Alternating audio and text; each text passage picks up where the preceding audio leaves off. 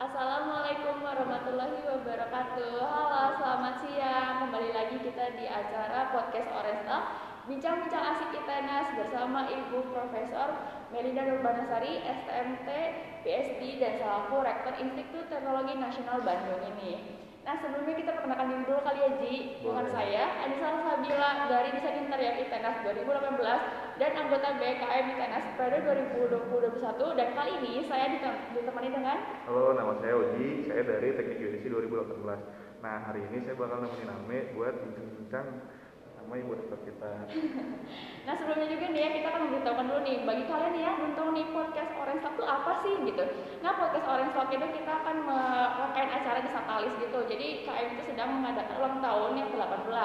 Nah rangkaian acara ini selama bulan April saja. Dan tapi untuk kalian yang mau menyaksikan podcast ini akan berlangsung setiap hari Minggu dan akan diuploading di YouTube keluarga mahasiswa ITENAS dan nanti juga kalian di Spotify. Nah, podcast ini tuh nantinya tuh akan membahas tentang isu-isu atau berita-berita terkini di ITENAS dan juga kita memberikan apresiasi kepada mahasiswa ITENAS. Seperti itu Ji gitu. Nah, untuk sebelumnya kita juga mau berterima kasih nih kepada media partner kita dari ada IC, Info Bandung, Info Event, uh, Seminar Up, uh, mahasiswa baperan dan selanjutnya? Nah ada juga dari Info Margahayu, Event Bandung dan Sejuta Cita. Nah itu media partner yang telah bekerja sama dengan kami yang kami terima kasih kepada media partner, media partner tersebut yang telah membantu uh, prosesnya uh, kelancaran acara kami ini. Nah sekarang kita mulai aja ke asal acaranya Bu ya. Assalamualaikum Ibu.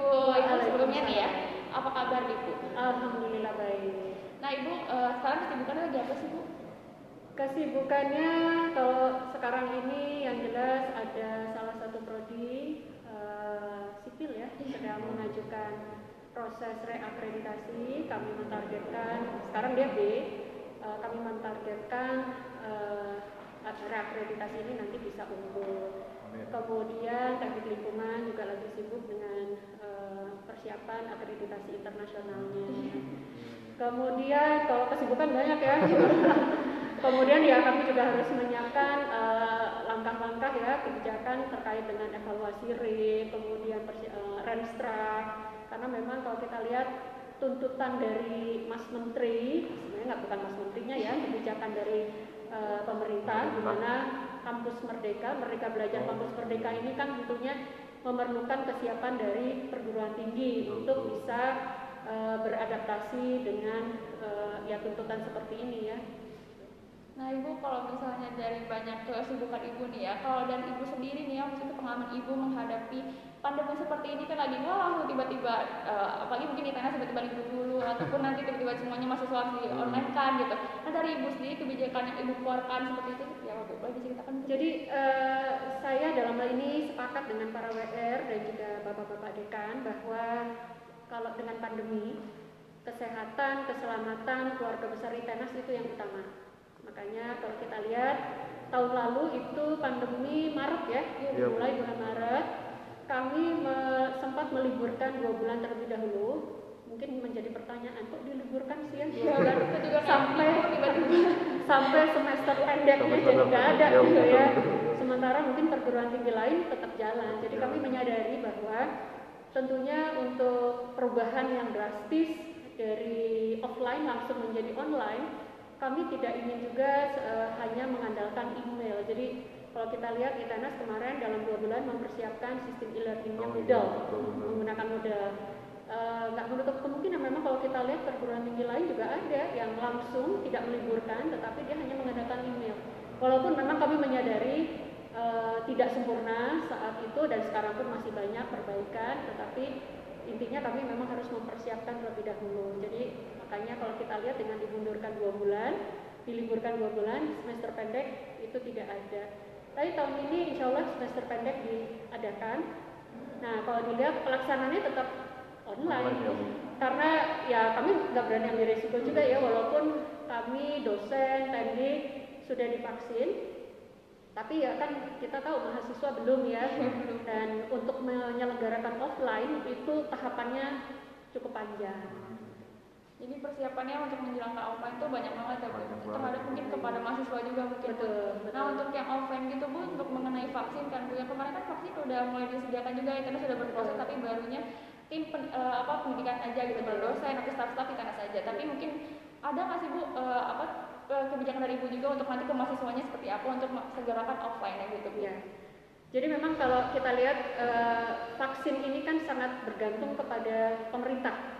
Kalau eh, vaksin itu pemerintah misalnya bilang ya tersedia hari ini atau minggu depan untuk didistribusikan kepada umum karena mahasiswa masuk kategorinya umum, itu ya kami siap melaksanakan karena alhamdulillah eh, selain ITENA sudah memvaksin untuk menyel- eh, apa namanya dosen, non dosen, kami juga sudah dipercaya menjadi tempat penyelenggara bagi eh, dosen, eh maaf bukan dosen ya, guru ya dari PAUD sampai dengan SMA. oh iya mana ada 1400, beritanya bu ya ya. disiapkan juga untuk Jadi, paut juga guru-guru Betul, jadi kami tuh udah alhamdulillah diberi kepercayaan eh, untuk menyelenggarakan eh, jumlah yang cukup besar. Jadi kalau pemerintah ini sudah mengatakan ya dibolehkan vaksinnya sudah tersedia, kami siap menyelenggarakan untuk eh, vaksin untuk eh, mahasiswa. Jadi tentunya ini bertahap ya, karena sehari itu kalau kemarin bisa sampai 1.400 ya, berarti kalau Iya, kami ada 7 ribuan ya mungkin satu Mahasiswa. mingguan lah.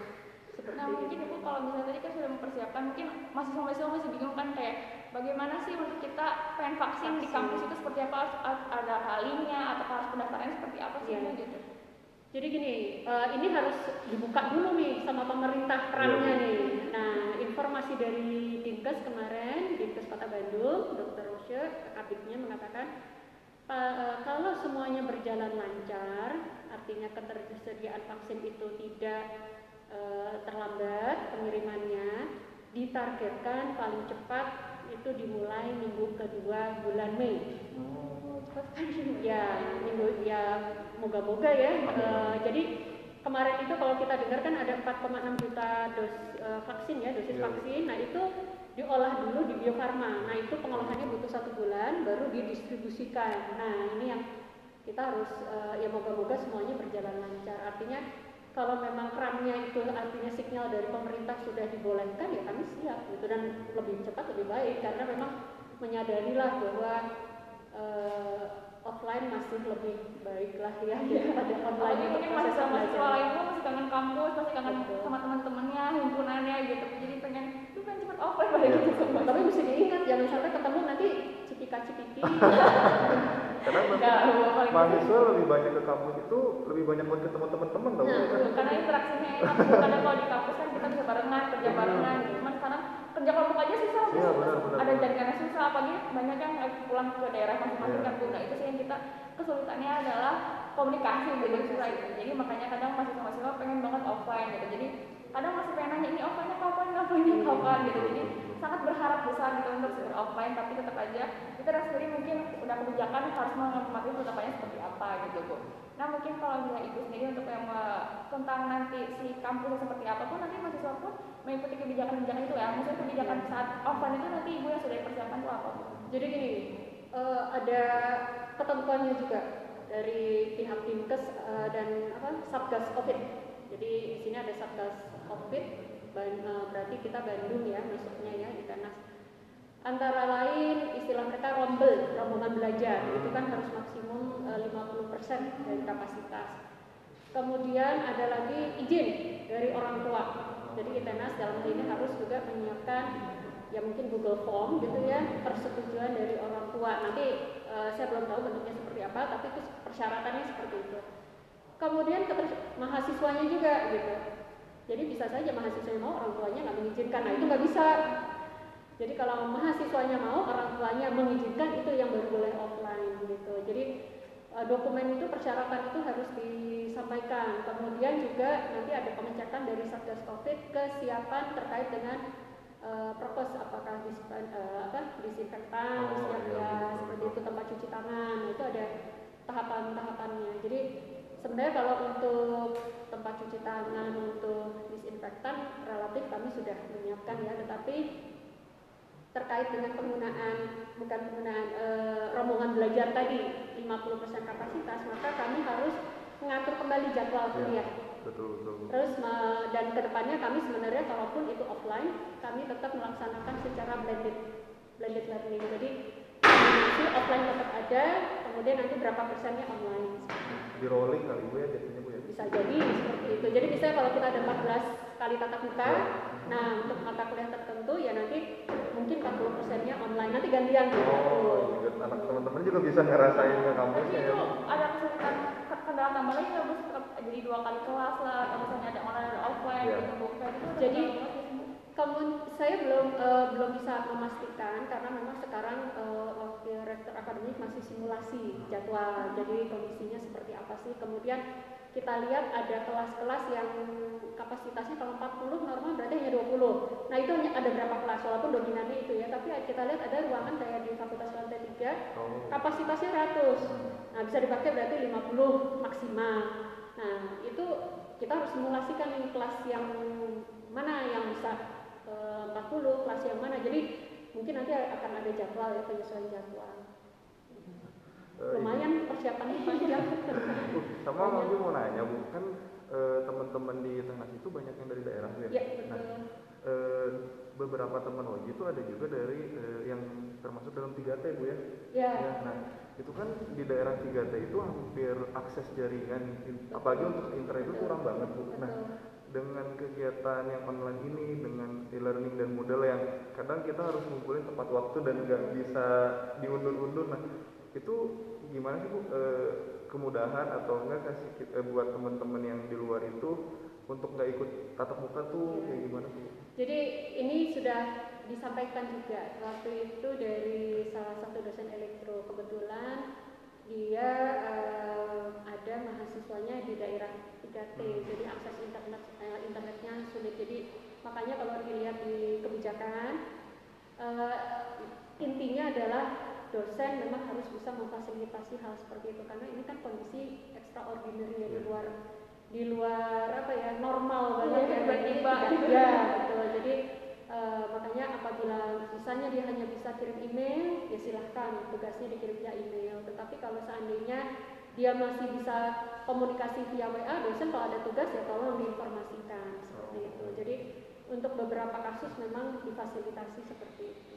Oh iya sama ini bu. Eh, lagi sekarang kan lagi gencar-gencarnya tentang merdeka belajar ya bu. Iya. Hampir apa ya teman-teman tuh kadang eh, bingung eh, di bulan ini ada merdeka belajar dari ini, Iya. itu di bulan depan ada lagi dari ini.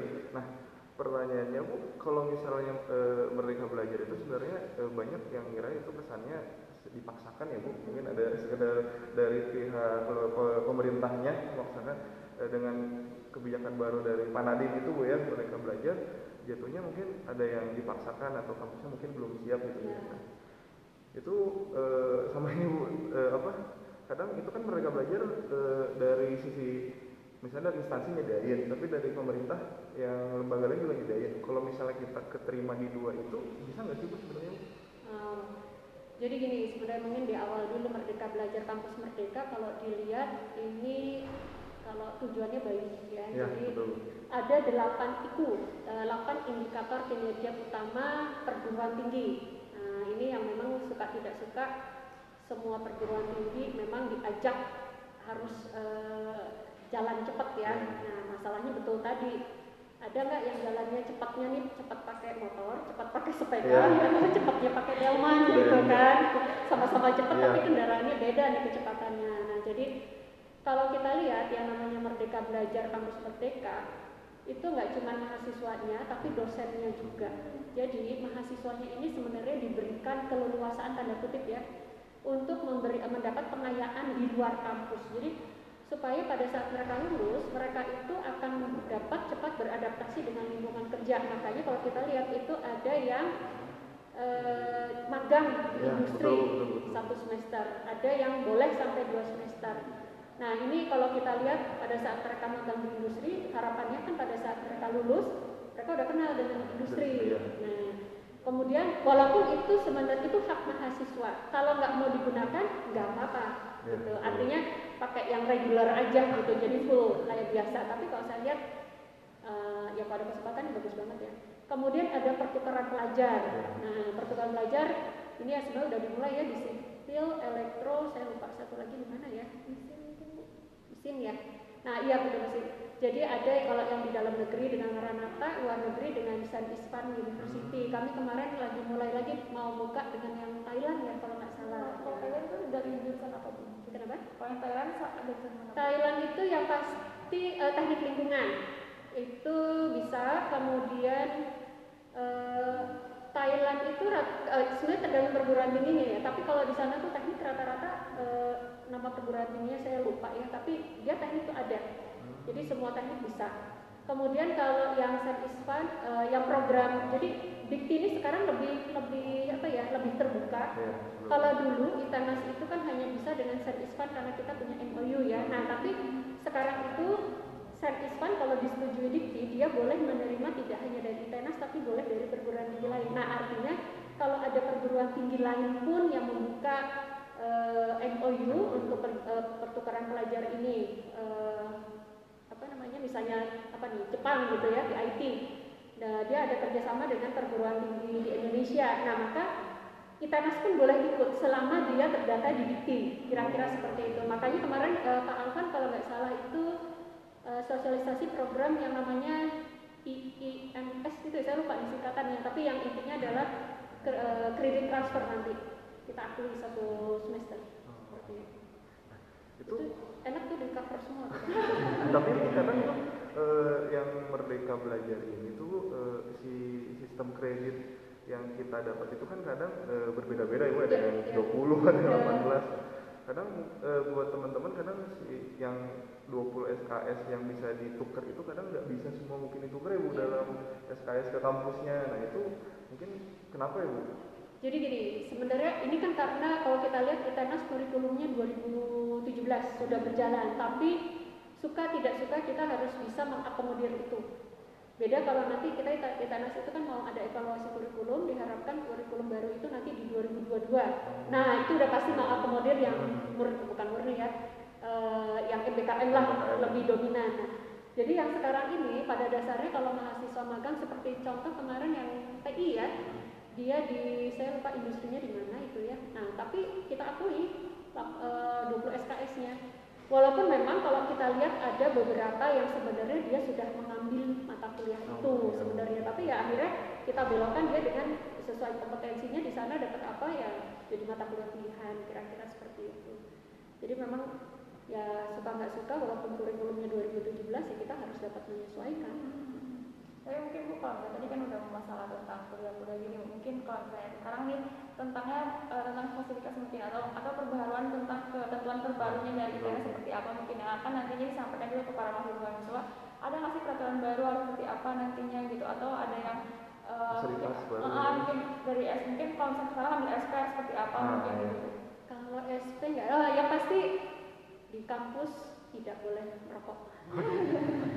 Dilarang merokok. Nah, itu. Jadi kalau merokok ada tempatnya.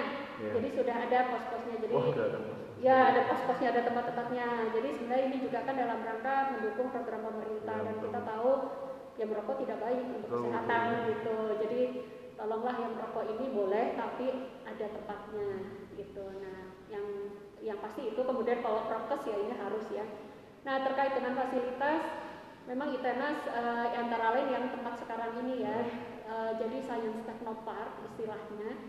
Kami itu eh, ini tuntutan dari eh, kinerja perguruan tinggi khususnya inovasi. Jadi diharapkan mahasiswa ini bisa jadi studentpreneurship. Nah, jadi tidak melulu jadi ya itu ya berpikir kreatif tidak melulu hanya menjadi kalau lulus nanti menjadi pegawai tapi diharapkan bisa membuka lapangan kerja. Yang kedua dosennya juga diharapkan jadi provokatif ya Oh. Bukan provokator ya. Ini provokreator nah makanya kalau kita lihat ini yang sudah kita eh, dukung gitu ya kita fasilitasi diharapkan ini jadi arena nanti eh, karya-karya dari mahasiswa terutama anak-anak teman-teman desain ini Desain, ya, ya, ya, keren-keren Lahan. kamera gitu. betul. Kemudian juga bisa jadi co-working space yang menjembatani, menjembatani nanti produk-produk eh, inovasi kita dengan pihak industri Oh, iya. itu harapannya seperti itu nah sebenarnya nggak cuma ini ini kan ruang tertutup itu Iya. ada yang ruang terbukanya di belakang Oh. ya, yang sekarang masih dipakai apa sih di belakang gedung 21 tuh it- untuk green ya sekarang Oh. dari ya untuk green teknologinya lah kira-kira gitu tapi memang yang baru eh, kita fokuskan sekarang di sini dulu ya bertahap lah sekarang sih udah ada itu ya Iya, nah jadi ke depannya yang diharapkan memang eh, kita bisa menghasilkan produk-produk karya inovasi mahasiswa dan dosen sehingga eh, industri bisa tertarik lah dan itu bisa komersialisasi ke depan Nah, targetnya inginnya seperti itu Terus kalau misalnya ini bu, mungkin di atas kafetaria mungkinnya kalau Mas Nurwaliza tahu kalau ada kafetaria itu di atasnya ada tanaman-tanaman itu seperti apa sih bu? Itu? itu sebenarnya itu hidroponik ya Oh, kalau nggak salah hidroponik. Itu hidroponik. Nah, hidroponik jadi itu ya bagian eh, dari sebenarnya ekstra tambahan ini ya pembekalan untuk teman-teman dosen dan karyawan yang mau pensiun nah jadi dibekalilah eh, tata cara seperti itu Jadi biar ada pengalaman juga uh, Pengalaman. mengenai tanaman karena kan lagi pandemi ini banyak yang orang-orang menambahkan kegiatan baru Iya. seperti menanam nanas seperti itu terus Iya. kayak mem- apa mungkin uh, pohon Iya. membagikan Iya. pohon-pohon seperti apa sekarang udah kayak gitu kan bu. Nah terus sama Oh memang ya satu lagi nih fasilitas nih. Tapi sebenarnya masih rahasia tanda kutip. Waduh, apa nih? Oke. Tapi hanya tahu di podcast sangat ini ya. ini. Ini masih dalam eh, proses persetujuan, Waduh. tetapi kami sudah alhamdulillah dapat persetujuan dari pihak Dishub, dari pihak Dinas PU, dan ini yang kami masih dalam eh, mengajukan persetujuan dengan Balai Jalan Nasional. Jadi kami nanti akan membuat lahan terbuka kita nas nanti. Oh, seperti apa bu? Wah, nah itu yang rahasia nih. Jadi kalian nanti bakal ada surprise dari bu Iya. Mengenai Ruang terbuka. Nah ibu kalau misalnya tentang jalan mungkin ibu ini kan di depan sekarang udah ada mulai halte terbaru mungkin kan terbaru terbaru itu seperti apa sih Bu? mungkin bisa dijelaskan bagi mahasiswa mahasiswa yang yang- jauh di luar Bandung mungkin bu belum tahu halte kita tuh yang baru tuh seperti apa sih gitu Bu? Jadi sebenarnya waktu itu kami melihat ini, ini halte yang ada, ya waktu itu ya, yang Ya. lama, ini antara ya dan tidak melihat posisinya di Tenas, dibilang mau di Tenas nggak juga ya, ada cuma sedikit, iya, iya. Nah kemudian mau diklaim punya Tenas ya nggak pas juga itu punyanya eh, pemerintah. Tapi eh, kalau dilihat juga tampilannya udah nggak nggak pas lah. gitu. Nah terus kami mengajukan ke pihak eh, dinas perhubungan kan di bawah dinas perhubungan. Gimana nih ya kami ingin membuat eh, apa menggantikan halte yang lama fungsinya tetap harus eh, sama, tetapi kami ingin sekaligus juga eh, membuat suatu ciri khas eh, halte Itenas. Alhamdulillah diizinkan dan malah mereka terima kasih banget ingin dijadikan role model kira-kira begitu. Nah makanya eh, diharapkan kalau kita lihat malamnya itu sebenarnya ada permainan cahaya. Iya, betul. Oh, betul. Kelihatan banget. Perubahan tuh cahaya gitu di kampus kan biasanya kalau malam-malam ah, misalnya kan malam kan di kampus itu Iya. suka ada Iya. jadi mahasiswa-mahasiswa tuh takutan gitu karena tidak betul. terlalu gelap kan depannya tapi karena ada halte baru mungkin ya jadi mahasiswa yang masih berkegiatan malam-malam jadi kayak ada ada apa ya jadi terlalu takut Lebih, gitu ya, lebih aman jadinya. Heeh. Nah itu nanti yang itu kan halte sebelah kiri ya, sebelah kiri kalau ngadepnya ke jalan. Di jalan ya. Nah yang akan nyuluk tadi yang sebelah kanan nanti tuh. Oh. Terus udah disiapkan sama ibu berarti jadi itu ada sebelah jaya, jadi untuk ke sana pokoknya tampilannya beda. Oh. jadi ada branding kita nasi juga Ada branding kita, karena kan iya. kita ya mungkin kayak jalan lurus doang tapi karena Nah. ada penambahan baru branding Betul, sebelum betul, dan betul. sesudahnya betul, Itenas gitu. betul. Jadi selama ini kan keluhannya orang mau nyari Itenas susah ya. Udah kelewat baru eh itu Itenas. Nah, nanti insya Allah enggak lah. Jadi ada aksesoris tambahan Iya. Ada. Oh iya terus di sini-sini katanya rame-rame halte bagus gitu tuh kita nah jadi Dari ada jauh, dari jauh nanti udah bisa lihat. ciri khas tambahan baru dari kita sendiri gitu bu. Nyuluk. Nah mungkin setelah fasilitas mungkin bu, mungkin kan sekarang juga kegiatan mahasiswanya masih banyak ya bu pasti pasti apalagi kan mahasiswa sekarang mau jenuh-jenuhnya gitu Iya. bu pengen banget men- masih tetap TA masih pengen yang eh, kegiatan-kegiatan lain Betul, kayak gitu betul. bu. Nah mungkin dari ibu sendiri pun tinjauan ibu untuk memberikan apresiasi kepada mahasiswa-mahasiswa tersebut yang masih yang pengen ikutan beasiswa atau Iya. misalnya ikutan lomba gitu. Nah itu tinjauan apresiasi dari ibu sendiri kepada mahasiswa-mahasiswa tersebut karena jauh itu seperti apa sih bu? Ya, jadi kalau dilihat sebenarnya ITENA sudah melonggarkan apa apa ya istilah pemerintah relaksasi gitu ya. KP sudah boleh di eh, industri. Industri. Tahun lalu kan belum boleh. Tugas akhir, nah ini memang kami masih menawarkan karena tadi itu izin orang tua. Iya. Ya, jadi boleh eh, tidak menggunakan data sekunder, istilahnya data sekunder. Jadi eh, menggunakan data primer, tetapi harus di, mendapat persetujuan orang tua. Karena kalau data primer berarti dia harus ke Terjun kampus, ya ke- mungkin kalau pengujiannya di lab kampus di tenas atau dia mungkin pengujiannya di mana. Nah ini harus dapat izin orang tua. Nah tapi saya eh, alhamdulillah saya bangga gitu ya kalau lihat eh, karya-karya kalau uh, untuk yang tugas akhir karena kita harus laporan ke Dikti kan, PD iya. Dikti. Nah itu uh, boleh dibilang pelajarnya nggak ada, Hmm. itu yang pertama. Jadi yang kedua juga kalau kita lihat ya memang kerja kerasnya nggak mudah ya. Data sekunder itu lebih sulit Waduh, daripada data primer. Apalagi Nggak pandemi ini Ya. Eh, nggak cuma mahasiswa ya dosennya juga Iya, bimbing data sekunder itu lebih berat gitu ya.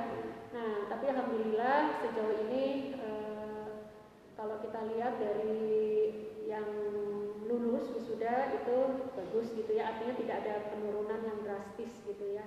Jadi artinya walaupun data sekunder kemarin gitu ya eh, dua semester kemarin itu masih relatif normal.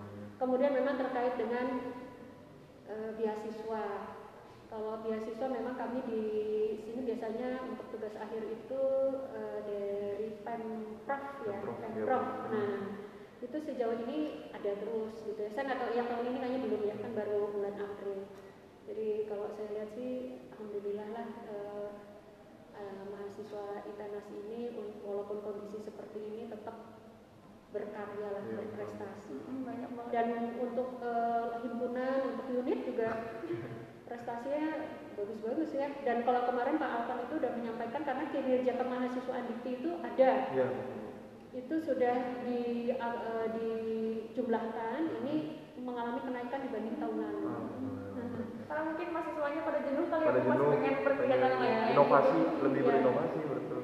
Tapi kadang ada bu gini yang misalnya himpunan-himpunan itu mengadakan acara misalnya dari jurusan aku mungkin bu ada yang kita mau ada temu karya seperti itu bu sesama DI se nasional gitu bu. Cuman kita mau eh, banyak yang diundur karena mungkin karena fasilitasnya belum memungkinkan untuk di kampus gitu bu.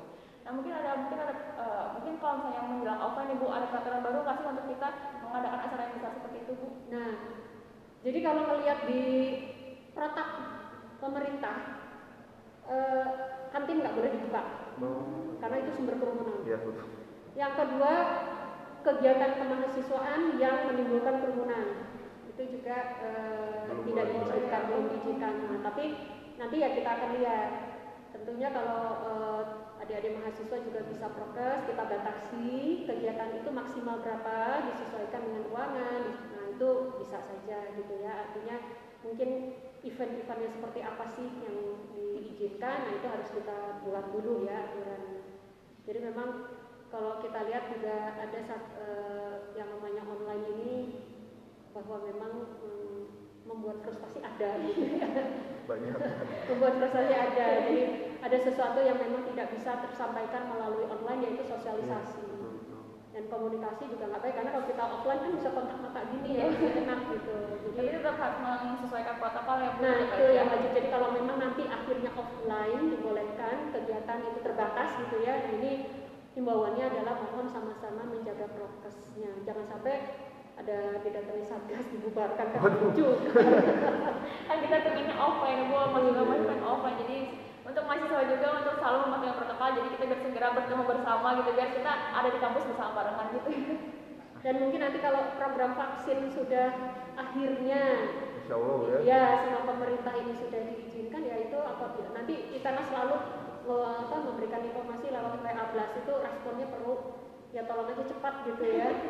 Karena eh, terus terang beberapa pengalaman yang kemarin itu mepet itu persetujuannya Selasa eh, inver ya Selasa ya ternyata kita hanya punya waktu empat hari bayangkan kalau 7.000 mahasiswa kan Gitu. tapi ya ya harus siap Iya, betul. kebetulan sistem informasinya udah siap jadi ya Udah. insya Allah lah sambil berjalan aja kan sambil berjalan Sama ini bu, eh, buat teman-teman yang sekarang mungkin di 2018 ya bu, eh, teman-teman 2018 sekarang bakal eh, mulai dengan KP ya buat Iya. internship gitu. Nah, sebenarnya di beberapa jurusan eh, mengenai kerja praktek itu eh, kadang tidak apa ya bu, tidak kadang nggak diperbolehkan gitu pun di masa semester pendek tuh kadang kayak eh, nggak boleh nanti harus di, di mata kuliahnya di semester tujuhnya. Karena eh, apa ya bu karena ngambil SKS ya? Atau gimana? Ngambil SKS-nya bu. Karena mungkin di beberapa jurusan yang SKS kerja praktik itu ada di semester 7 bu. Tapi teman-teman udah banyak yang pengen karena sekarang lagi pandemi dan kegiatan yang gak ada udah pengen magang duluan. Tapi karena nggak nggak belum dapat SKS-nya kadang belum dapat surat perizinan dari jurusannya nanti itu Ada di fakultas. ya dari fakultasnya. Nah itu boleh nggak sih bu sebenarnya kita kerja praktek duluan bu sebelum mengambil mata kuliahnya gitu? Kayak kita kita udah punya gambaran kita udah pada udah punya datanya jadi pas udah kita ngambil kita bisa langsung pengolahan dan pembuatan laporannya mungkin itu boleh bu Memang kalau ini tergantung dari kurikulum prodinya ya Iya. sebenarnya. Jadi eh, pasti ada pertimbangan kenapa kok KP-nya diambilnya harus nanti. Nah, nah ini memang prodinya tergantung ya. Eh, prodi yang mana karena KP ada yang di semester 5, ada yang di semester 6, ada yang semester 7 ya itu bergantung. Tapi kalau saya lihat pada dasarnya ini pengalaman saya di mesin ya eh, bahwa memang yang eh, ada kendala itu jadwal KP itu bergantung kepada industri. Oh iya ya kan? betul, betul, kepada betul. perusahaan. Nah jadi sebenarnya kalau eh, saya nggak tahu, tahu juga ya untuk pastinya. Tetapi eh, bukan hal yang nggak mungkin proses administrasi itu itu kan cepat sekali ya Eh, misalnya diajukan satu bulan sebelum pengambilan Ya, SKS betul. Eh, berarti sebelum pengambilan SKS kira-kira di semester ganjil Hmm. itu sebenarnya bisa kalau memang kondisinya mahasiswa bisa menjelaskan ke dosen wali. oh Ya, tetapi saya nggak tahu persisnya memang itu kalau memang tuntutan kurikulum karena ada yang memang KP itu diambil kalau sudah ngambil mata kuliah ini. Iya, nah, betul. itu yang nggak bisa dihindari. Nah, itu kan ada rentetan kalau di kurikulum. Makanya kenapa kok KP-nya mulai di semester 7? Karena dia KP harus paham dulu lulu, eh, mata kuliah di semester ini. Oh, iya. Nah, itu pertimbangannya mungkin. Kecuali kalau sam- eh, mungkin ada teman-teman mahasiswa yang sudah lewat dari 4 tahun kan. Nah, masih ada ya kan nah mungkin yang kayak begitu bisa dapat dispen mungkin gitu ya dari walinya atau dari kaprodinya Oh berarti itu mah maksudnya keputusan dari wali dosennya dan dosen mata kuliahnya dan Iya. juga mahasiswa. dan ya di prodinya karena yang paling tahu kurikulumnya prodi tapi pertimbangan saya sepertinya kalau memang dia harus semester 7 ngambil SKS-nya itu ada proses yang harus dilalui mata kuliahnya kan kadang eh, kayak lembaga itu sekarang kan kalau misalnya kerja praktik tuh ada yang di institusi lembaga pemerintah misalnya Iya. ada yang di konsultan juga Betul. ada yang di industri kadang itu yang bikin kita bingung itu eh, kalau misalnya pas harus ngambil SKS-nya di semester 7 kita nggak dapat dari eh, lembaga pemerintahan Iya. misalnya dapatnya yang konsultan aja Iya. Nah, kadang waktu itu apa ya kita rebutan sebenarnya kerja praktik saya paham paham. makanya kalau daripada KP sebulan dua bulan mendingan ikut program magang sekalian oh iya benar benar langsung Masih sekalian magang ya terbuka sebenarnya Bu. Itu mah gimana mahasiswanya juga untuk menghadapi dan menyesuaikan untuk magang-magang itu buat nantinya siap di setelah lulus nanti seperti itu kan Bu ya. Iya. Nah mungkin dari kita dari situ aja mungkin ada pertanyaan saya Bu. Nah mungkin Ibu ada nih sal- salam-salam hangat Ya, mungkin kepada buat mahasiswa mahasiswa yang nanti nonton bu jadi Iya, ini untuk adik-adik mahasiswa ITENAS yang saya banggakan. Saya berharap jaga kondisi, kesehatan, sehat-sehat selalu. Karena kesehatan itu adalah yang utama. Mohon bersabar. Eh, kalau memang sudah waktunya bisa offline itu tentunya adik-adik mahasiswa bisa ke ITENAS. Tapi kalau memang belum, ya apa boleh buat. ITENAS tetap terus eh, memonitor peraturan-peraturan untuk kesiapan offline dan kami juga menyadari bahwa eh, tentunya proses pembelajaran offline ini akan selalu ditunggu-tunggu ya karena memang kualitasnya lebih baik daripada kita 100% online dan tentunya eh, walaupun kita masih dalam kondisi eh, kondisi pandemi seperti ini jangan menjadi hambatan eh, bahwa kita tidak bisa berkreasi, tidak bisa produktif, jangan sampai seperti itu selalu ada cara karena kita adalah manusia yang tentunya dibekali oleh Allah Subhanahu wa taala il- ilmu, pikiran dan lain-lain yang memang ini semuanya sudah menjadi takdir dan harus kita hadapi. Yang penting adalah kita ikhlas menjalaninya dan juga kita yakin bahwa Allah Subhanahu wa taala memberi yang terbaik untuk kita Amin. semua. Amin, amin. Terima kasih Ibu untuk salam-salam kepada mahasiswa. Mungkin ada pendapat dari aku kali ya Bu ya untuk para mahasiswa juga. Ada quotes-quotes kecil untuk menyemangati kalian juga, untuk kalian dan juga para mahasiswa. Untuk kalau misalnya jangan pernah menyerah untuk meraih mimpi karena mimpi itu walaupun besar ataupun maupun kecil pun sebisa mungkin untuk dilakukan karena itulah yang akan nantinya eh, dapat keuntungan dari itu semua. Jadi kalian tuh jangan pernah pantang menyerah juga. Kan tadi udah disampaikan sama ibu juga itu jangan eh, jangan terlalu jangan menyerah karena walaupun lagi pandemi seperti ini terus harus berusaha untuk memberikan hasil yang berkreatif juga atau hasilnya yang memuaskan untuk diri sendiri juga gitu mungkin dari Oji juga ada post paling kalau dari Oji eh, sedikit tentang ada sedikit quotes tentang untuk kita dapat mutiara yang indah kita butuh menyelam ke lautan yang lebih dalam nah sama seperti kita untuk dapat sebuah eh, kenikmatan sebuah hasil yang jerih payah yang kita nanti nantikan kita butuh jerih payah kita butuh usaha yang lebih dalam paling itu aja dari Oji Oke, terima kasih juga untuk aja untuk quotes kepada mahasiswanya. Eh, saya Nisa Sabila, pamit undur diri. saya Oji Wassalamualaikum warahmatullahi wabarakatuh. Sampai jumpa di podcast. Ibu makasih banyak. Ibu